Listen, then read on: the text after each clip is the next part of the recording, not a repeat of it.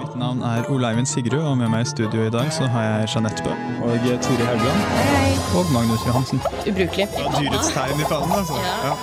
ja. og jeg er enig i at det er en veldig spennende idé. Molekyler med rare navn. Populærvitenskap i labdidab. Du er en av dem. Uillustrert vitenskap.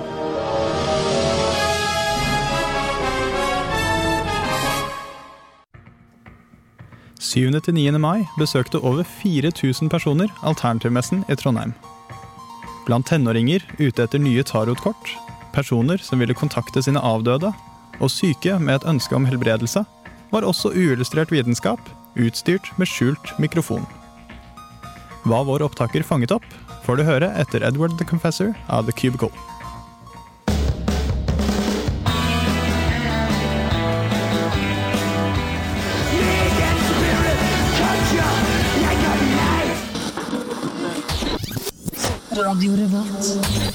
Du lytter til uillustrert vitenskap her på Radio Revolt, og dette blir en alternativmesse spesial. Eh, Med meg i dag så har jeg da Jeanette Bø som vanlig, Hallo, hallo. og Turi Haugland. Hei, hei. Hun er også vår tekniker. Og eh, Jeanette og jeg vi var jo på alternativmessen her eh, forrige helg. Eh, hvordan opplevde du det? Du har jo ikke vært der før.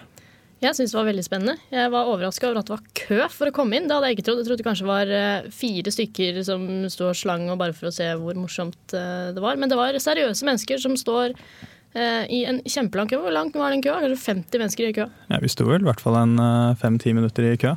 Gjorde dere det? Ja. Hæ. Hvordan folk er det som kommer på alternativmesse utenom dere? Jeg regner med at det ikke er så mange skeptikere. Jeg forventa eh, damer i store, flagrende klær for det meste. For det er jo damer som har lettest for å tro på Eller gå for sånne alternative ting. Statistikken viser Statistikken dessverre det. viser. Eh, jeg, jeg så en dame i en eh, stor batikkjole med, med, med flagrete armer, men resten var litt mer sånn normale. Eller de Du vet de jentene på videregående som eh, Som som, Vika-jentene. ja, ja, som har bøflosko med, med, med signalgule lisser. Mhm. Litt av de. Litt av de var det også. Det var litt morsomt. Det er kanskje de som eh, holder på litt mer med sånn heksekunst og tarotkort og sånn. Ja, og, og mye eyeliner holder de på også med. Ah, ja. course. På alternativmessen så er det jo eh, ganske mye rart. Det er stort sett ting som eh, når vi tar opp i Illustrert, så er vi litt kritiske. Det er healere, det er naturmedisin, det er eh, synske og ganske mye rart, Ikke glem alveklær. De selger Ja, nordlys alveklær. Det var veldig fint. Gjør de det? faktisk. Da skal jeg dit. Nei da. Jo, de hadde også vegetarburger. Den var god. Det er pluss.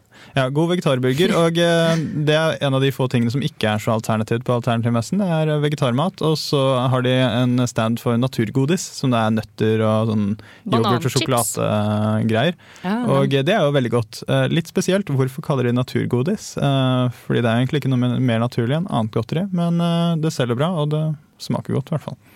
Men eh, ja, vi skal jo da snakke om eh, ganske mye rart eh, som vi så på Alternativmessen. Men nå skal vi høre The Mars Volta med Wax Simulacra.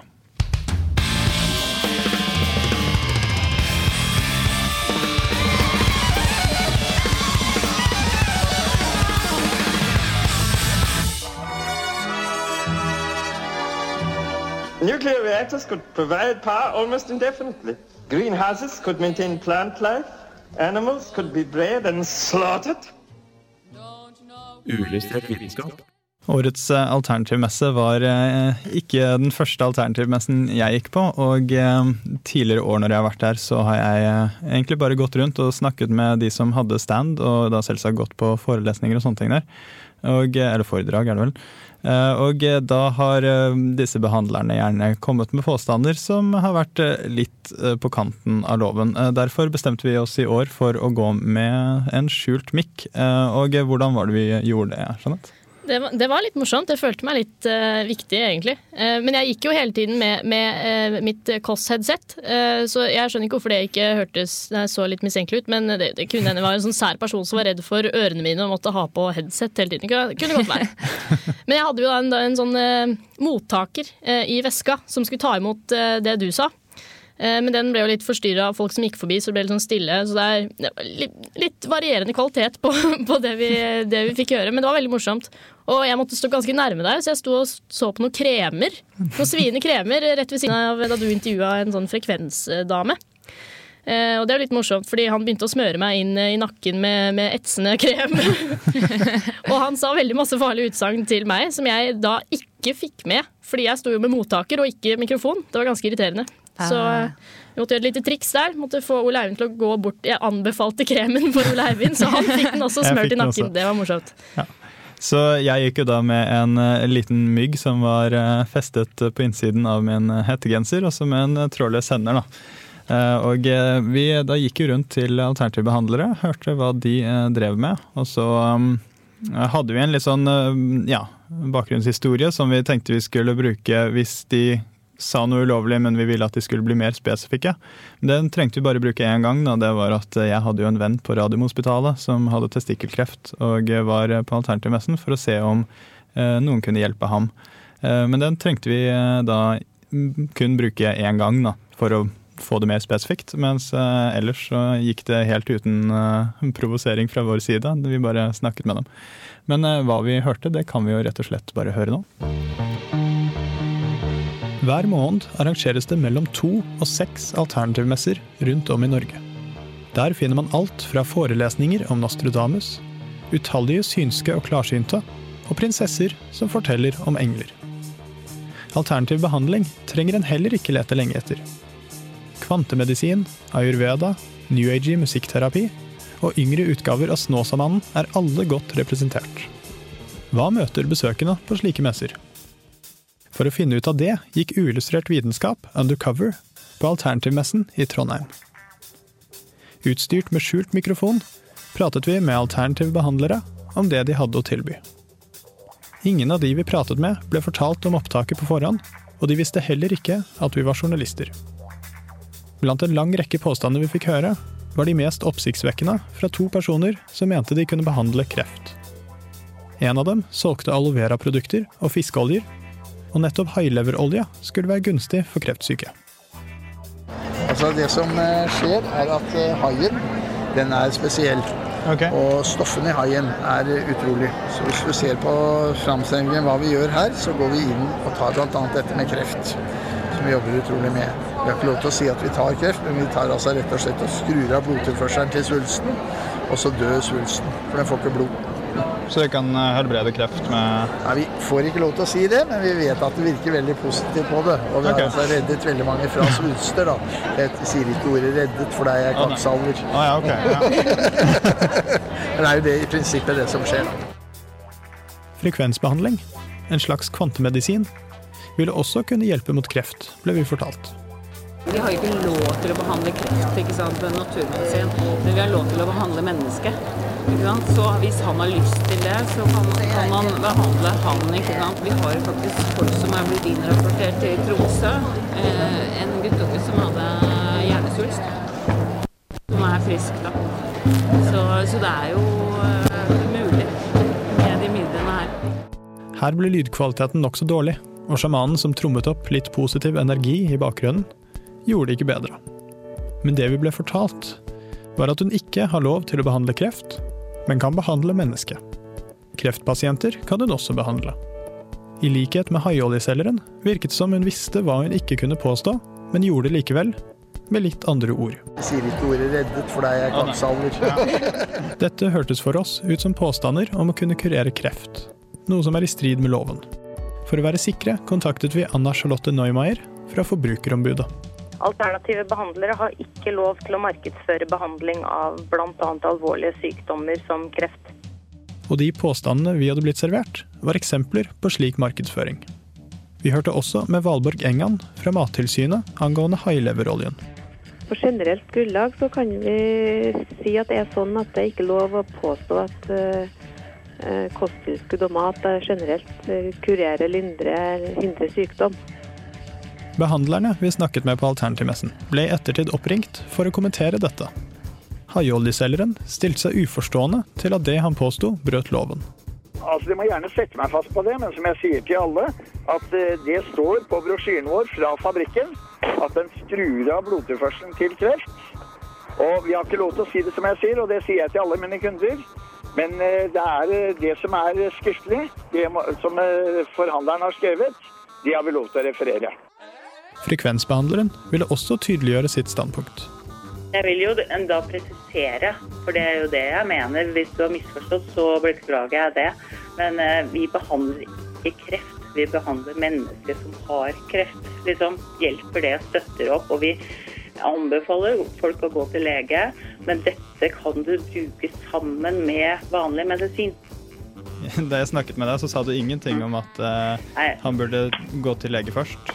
Nei, altså, altså, det regner vi jo med, da. Jeg spurte jo heller ikke om det. Og det er jo noe med det Jeg sa jo det, vi behandler ikke kreft, men vi behandler mennesker. Det sa jeg. At det finnes villedende markedsføring i alternative kretser, var dog ikke noe nytt for Forbrukerombudet. Vi har tidligere vært, eh, vært på alternativmesser og, og observert markedsføringen der, og vi mottar også med jevne mellomrom klager fra både forbrukere og, og andre næringsdrivende over alternative behandleres markedsføring. Og hva slags konsekvenser kan det få dersom en behandler bryter loven om alternativ behandling?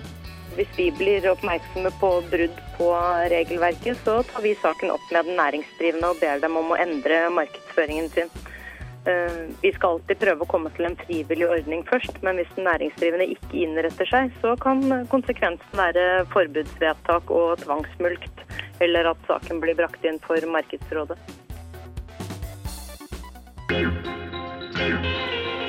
Og det du hører nå, det er Manhattan Sapphire av Ugress.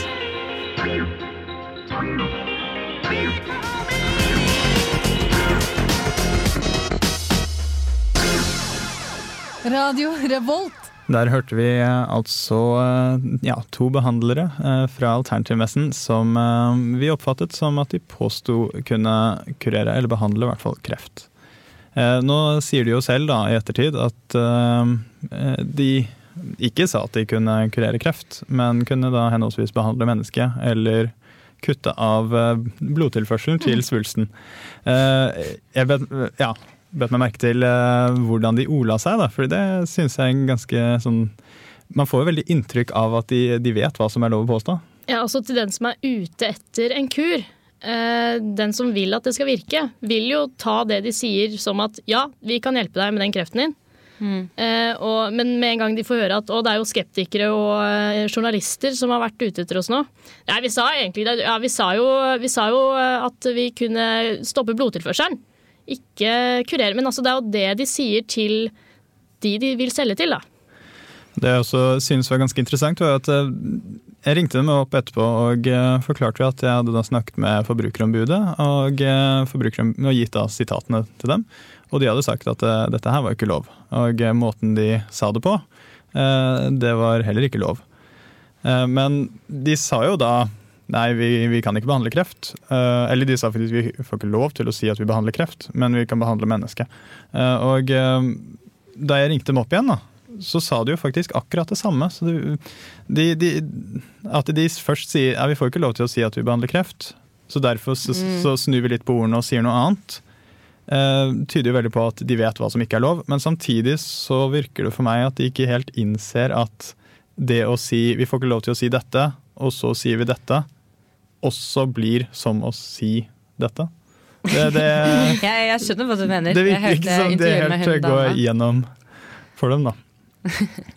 Men eh, så, eh, ja. Nå har vi jo da snakket med Forbrukerombudet og slått fast at uh, dette her er ganske tvilsom markedsføring. Uh, Men uh, så går det jo på hva denne high-lever-oljen og frekvensmedisinen, kan de ha noe effekt? Utover at det da ikke er lov. Eh, Så da har jo du, Jeanette, eh, snakket med noen eh, fagfolk som kan litt om dette. Ja. Så eh, vi skal høre den reportasjen, mens først så skal vi høre da Shutterbug av Big Boy.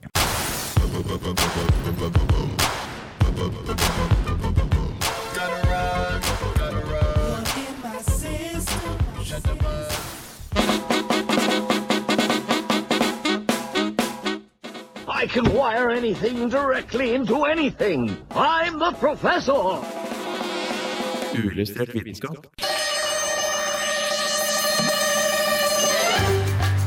Vi i Uillustrert vitenskap kunne selvfølgelig ikke dy oss da vi så at en alternativmesse skulle bli holdt i Trondheim Spektrum 7.-9. mai, og tok den skjulte mikrofonen fatt og la på sprang nedover øya.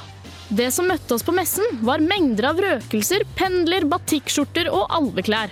Og ikke minst folk som reklamerte for alternativ medisin. En av de vi møtte var en jovial herremann som solgte sviende kremer som hjalp mot det meste, og haileveroljekapsler, som visstnok skulle ha en virkning på kreft. For eh, de fleste mennesker som har levd litt, så vet vi at det er en av dødsårsakene for veldig mange er jo kreften. Så jeg tar én pille hver dag av den. Og det koster meg veldig lite, for i en sånn boks er det altså 300 kroner. Men den er det 120 piller, var det ikke det det sto? Jo. 120 kapsler. Han går også på synet. Så den forebygger også? Ja. Og det er det de fleste av oss vil. Dette følte vi at var nokså drøye påstander, så vi ringte Forbrukerombudet og fikk bekreftet at påstandene også var ulovlige. Dermed ringte vi haileveroljemannen opp igjen for å få tilsvar. Ja, altså Vi har ikke lov til å si at vi kan ta knekken på kreft. Men jeg har jobbet med haileverolje i mange år og har sett at vi har, som det står skriftlig, og vi har lov til å si at vitenskapen har kommet til at en meget godt kan skru av blodtilførselen til svulster. Og det har den altså gjort da i mange tilfeller for meg, så jeg kan gå god for at den gjør det på mange tilfeller. Virkningen av haileveroljen skulle altså være vitenskapelig bevist. Men allikevel følte vi oss ikke helt overbeviste. Vi ringte professor Hans Einar Krokan ved Institutt for kreftforskning og molekylær medisin for å forhøre oss litt om disse vitenskapelige bevisene, og hva det egentlig er som er så spesielt med haileverolje. Ja, altså Haileverolje inneholder en del eh, eh, fettstoffer som, eh, som, man ikke ser i vanlig fiskeolje. Noen sånne alkoxy-forbindelser, som det også heter. Men det er altså ikke noe bevist virkning? Nei, jeg mener at det ikke finnes noen dokumentert eh, noen dokumentasjon på at det, at det virker. Eh, det, man kan se effekt i celler i kultur, men noen helbredende effekt på mennesker vet jeg ikke om at man har dokumentasjon på. Vet du om det kan forebygge? Det tror jeg heller ikke man har noen dokumentasjon for. Jeg har faktisk prøvd å lese litteraturen på det området. Jeg har ikke sett at man har holdbare bevis for at så er tilfellet. Kanskje var ikke den joviale haileveroljemannen en mann man kunne stole blindt på. Men på Alternativmessen er det selvfølgelig flere medisinske tilbud å få. Vi møtte en dame som drev med frekvensmedisin, noe som skal være en variant av kvantemedisin. Et forstyrrelsesmoment på dette skjulte intervjuet var at det sto en sjaman med tilhørende tromme rett bak oss. Men det vi fikk med oss, var bl.a. at også denne alternativmedisineren hadde sitt å si om innvirkning på kreft. Vi har faktisk som er blitt innrapportert til Tromsø. Eh, en guttunge som hadde hjernesvulst. Som er frisk, da. Så, så det er jo uh, mulig med de midlene her. Bare finne riktige midler. Jøss, yes, men dette hørtes da flott ut. Men hva i all verden går egentlig frekvensmedisin ut på? Vi ringte Lars Erling Leganger, stipendiat i teoretisk fysikk ved NTNU, for å få svar på akkurat dette tanken bak er jo at eh, forskjellige celler i kroppen skal vibrere med forskjellige frekvenser. Og at eh, dersom en celle er i ulage på noe vis, så vil den vibrere med en annen frekvens enn en frisk celle.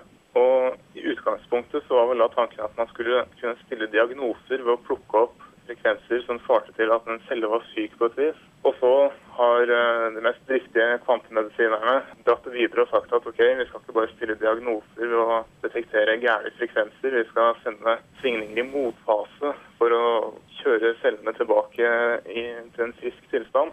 Selv om ideen var god i utgangspunktet, så, så viste det seg at i praksis så vil en celle som består av mange molekyler, som består av mange atomer, ikke ha noen sånn enkel frekvens som det går an å plukke ut og, og påvirke. Altså Fra et kvantefysisk ståsted så har kvantemedisin ingenting med fysikk å gjøre. Så å fjerne sykdom med frekvenser er rett og slett fysisk umulig? Men hva med den nå friske guttungen i Tromsø med hjernesvulst? Professor Hans Einar Krokan hadde kommentarer til oss på også dette feltet. Noen dokumentert eh, informasjon fra klinisk forskning som viser at eh, sånn frekvensmedisin, hvis du det kaller det, som da altså er beslekta med kvantemedisin, skulle ha noen medisinsk eh, virkning, det, det, tror jeg mangler. Man har ingen dokumentasjon for en sånn behandling og at den virker. Og man kan ikke ta et enkelttilfelle som, som bevis for en slik virkning, hvis det finnes et sånt enkelttilfelle. Den alternative medisinen vi kom over på alternativmessen, var altså av det mer skuffende slaget. Men heldigvis fikk vi i det minste moret oss med en demonstrasjon av mediumskap ved Den norske spiritualistforeningen. Noe som nesten var verdt de 100 kronene i inngangspenger. Du hører på Radio Revolt, studentradioen i Trondheim. Skuffende behandlingsmetoder der, altså. Men eh, som eh, du sa, så var vi jo også, også mediumskap og eh, kanalisering og slikt. Hvordan opplevde du det? Nei, jeg hadde jo gleda meg litt til å kanskje bli litt imponert. Da. Litt sånn jøss, åssen visste du det? Og grunnen til at jeg valgte den litt irriterende ABBA-låta på slutten her, var jo at vi ble møtt med et ark med sangteksten på den her. Da skulle alle stå og synge I Believe in Angels eh, for å fjerne den dårlige energien da, som var i, i rommet før demonstrasjonen. Jeg reagerte litt på at det skulle være så dårlig energi i det rommet, i og med at de eneste som hadde vært i det rommet hele, hele tidligere på dagen, det var jo folk som virkelig trodde på det her. Ja, ja det var litt spesielt. Eh, også, jeg blei veldig skuffa, da, fordi jeg hadde, jeg hadde, jo som sagt planlagt å bli litt imponert, men så ble vi møtt av en ganske aggressiv eh, synsk dame som sa dere må være med og hjelpe meg når jeg får inn noe. Og skjønner dere det? Skjønner, kjempesint. Og um, hver gang jeg får inn et navn, eller noe, så må dere rekke opp hånda umiddelbart og si ja, jeg kjenner han igjen. Den døde personen, altså, som uh, hun snakker til. Og det var, det var jo en katastrofe.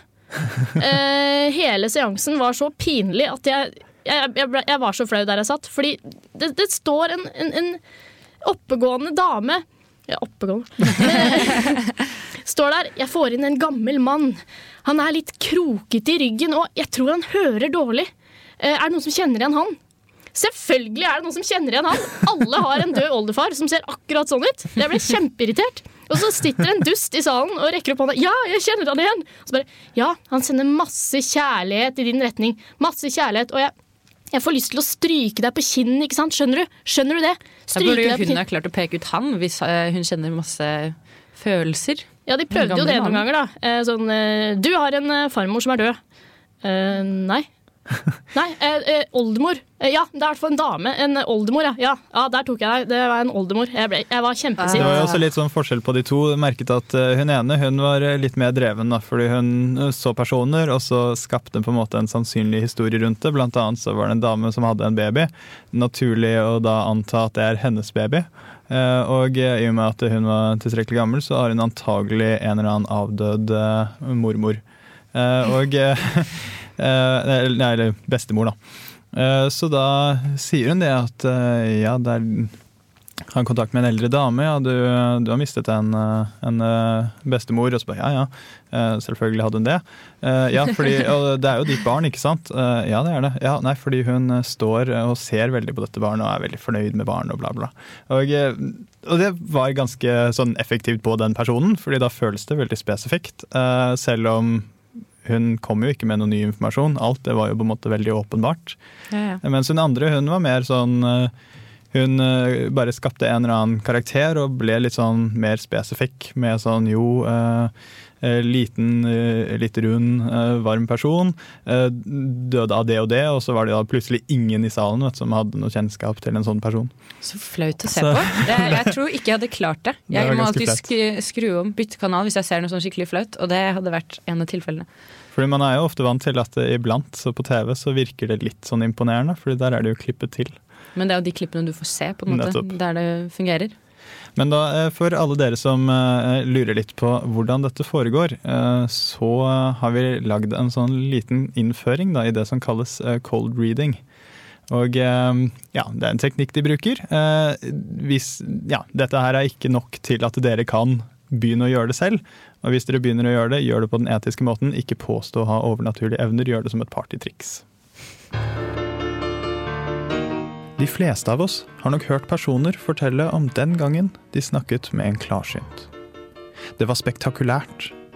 Den klarsynte visste ting ingen andre kunne vite, og beskrev deres personlighet på en prikk.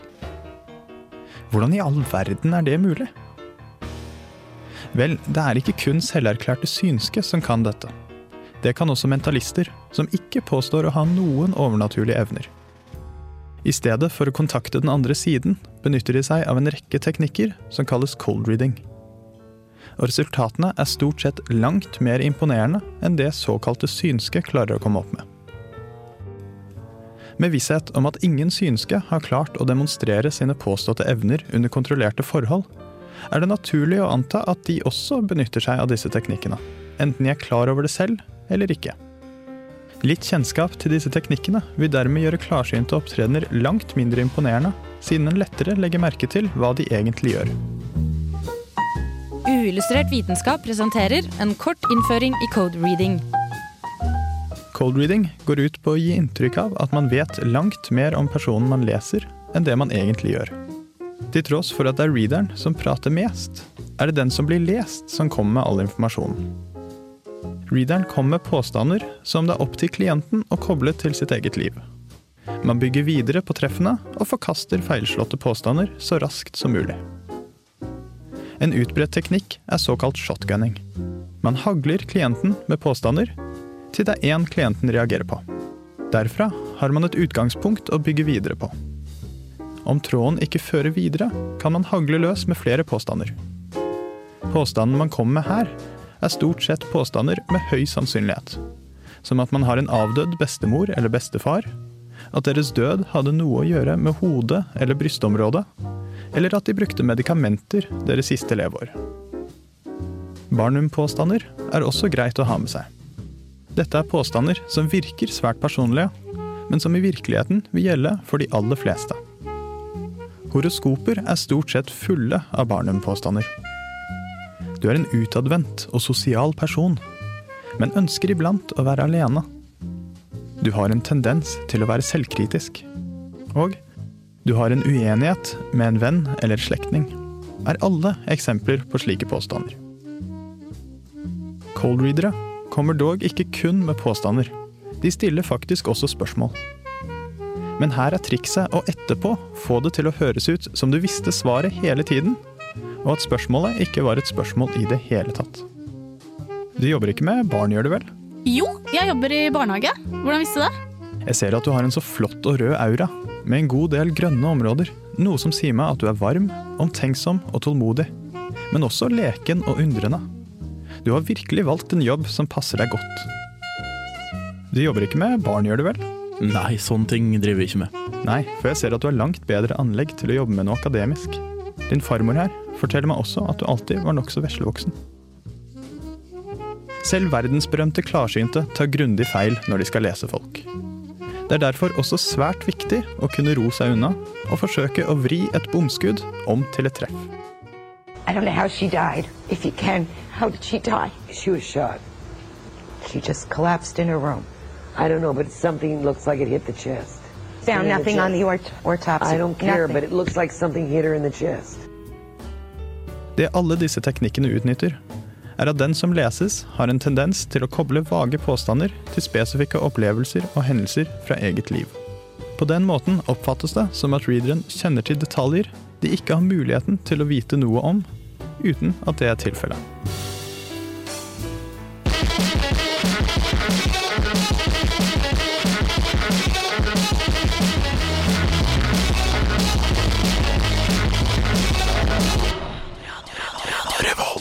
Det var jo haugevis med healere på alternativmessen, og de fleste de tar jo dyre summer for dette. De tar gjerne en god del hundre kroner for en 30 minutters eh, sesjon, minst.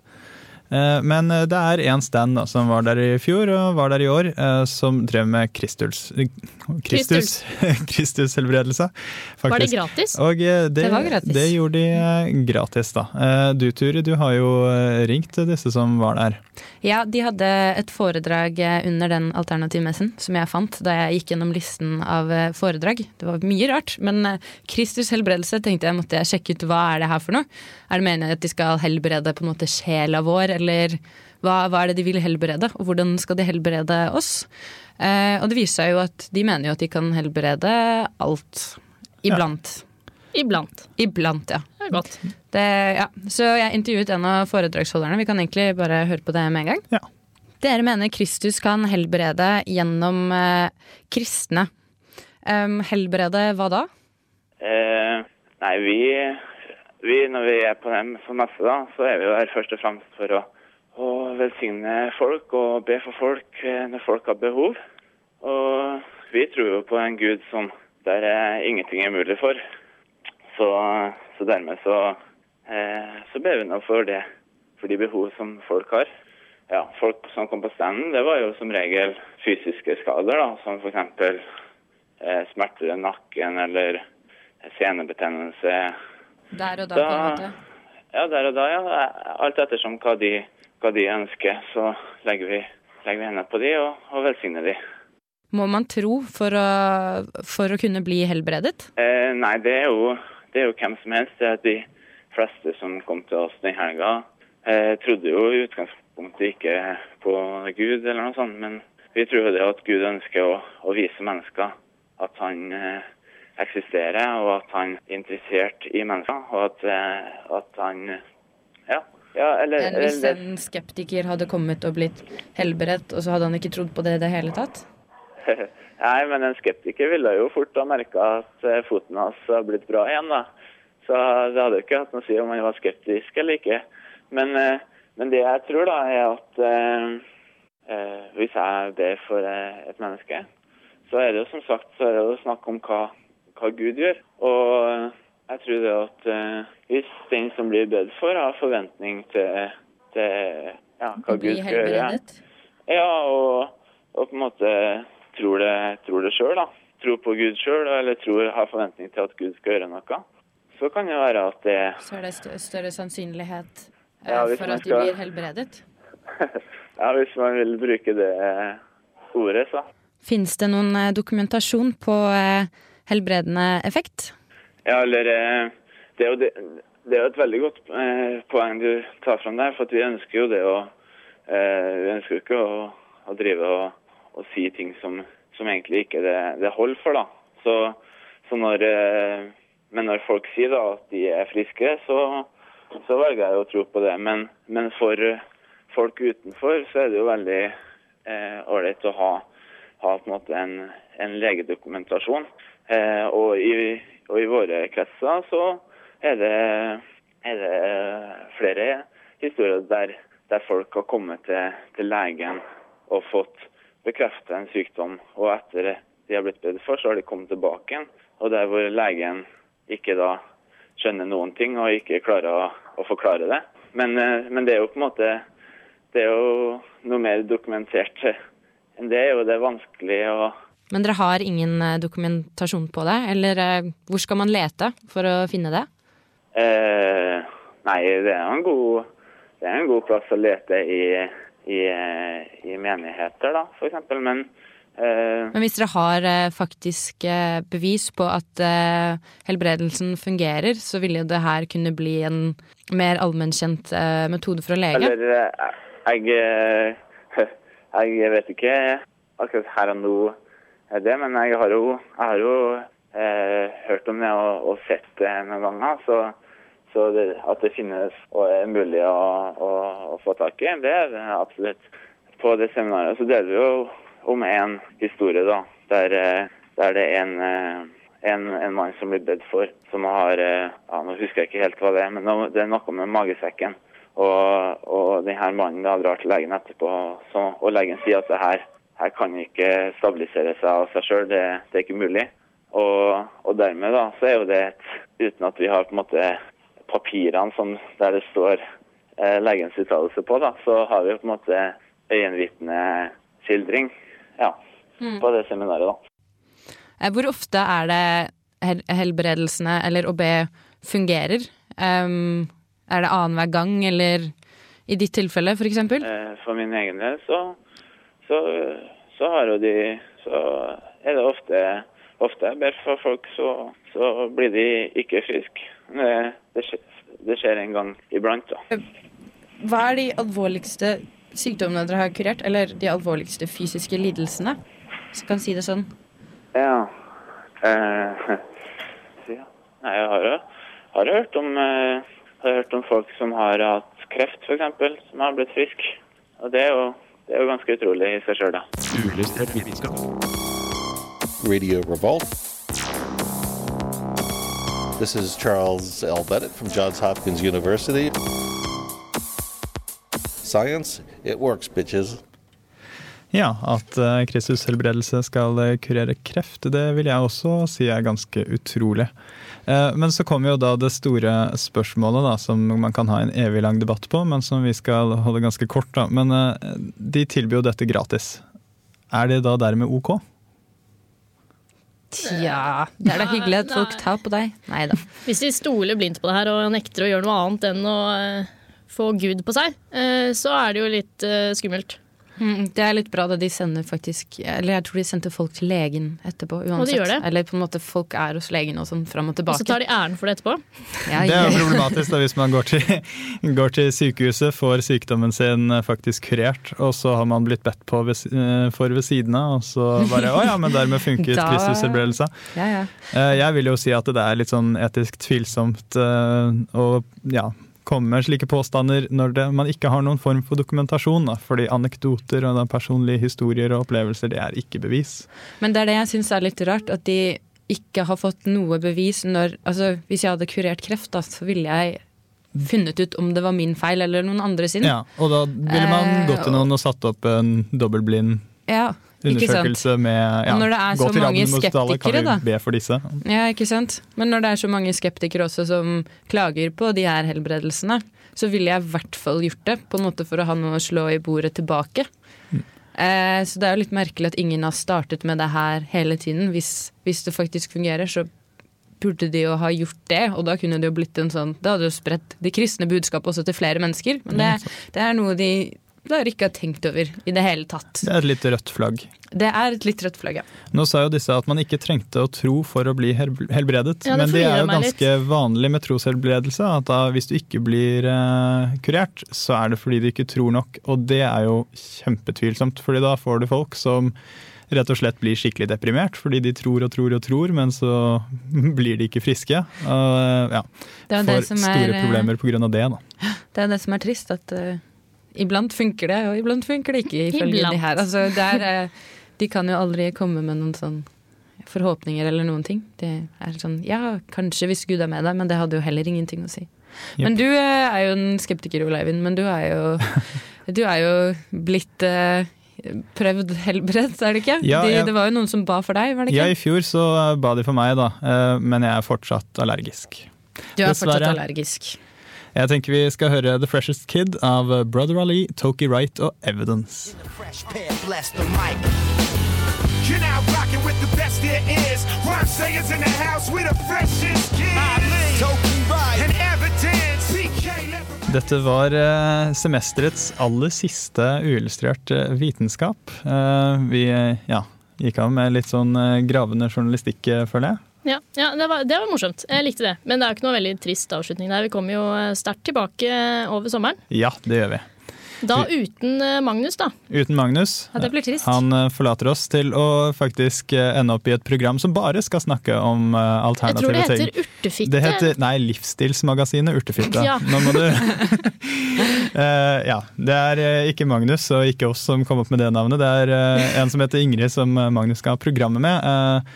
Som eh, da har urtefitte som en betegnelse på eh, personer som går på alternativmesser, annet. Ah. Um, interessant programnavn, i hvert fall. Men eh, ja, vi kan jo da nevne i sommerferien så eh, satser vi på, håper på i hvert fall, å ha en ja, litt mindre formell sommersending innimellom. Eh, sånn uillustrert Summer Science eller et eller annet sånt noe, kanskje? Ja, litt småsnacks. Eh, hvis, eh, ja, det er fortsatt litt usikkerhet om vi kommer til å være i byen og dermed ha slike sendinger. Men eh, i så fall så hold dere oppdatert på vår Facebook-side på ja, Facebook. eller, eller på Radio Eller på radiorevolt.no. Eh, Og eh, uansett så kan du jo eh, bruke sommerferien på å lytte til vår podkast. Det har vi tid til. Ja.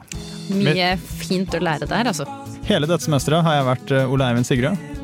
Og, eh, Jeg har vært Jeanette Bø. ja, og vår tekniker. Jeg har vært uh, Ture Haugland, Ja. Og Magnus har vært Magnus. Da høres vi i hvert fall neste semester. Fantastisk. Ha det bra. Ha det godt.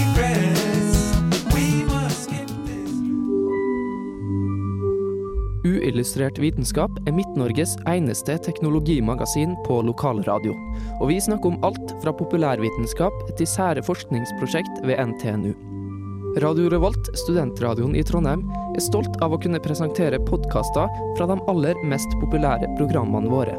Hvis du har lyst til å høre mer fra Radio Revolt, hvem vi er og hva slags musikk vi spiller, så kan du høre oss på FM-båndet i Trondheimsregionen, eller streame sendingene våre live på radiorevolt.no.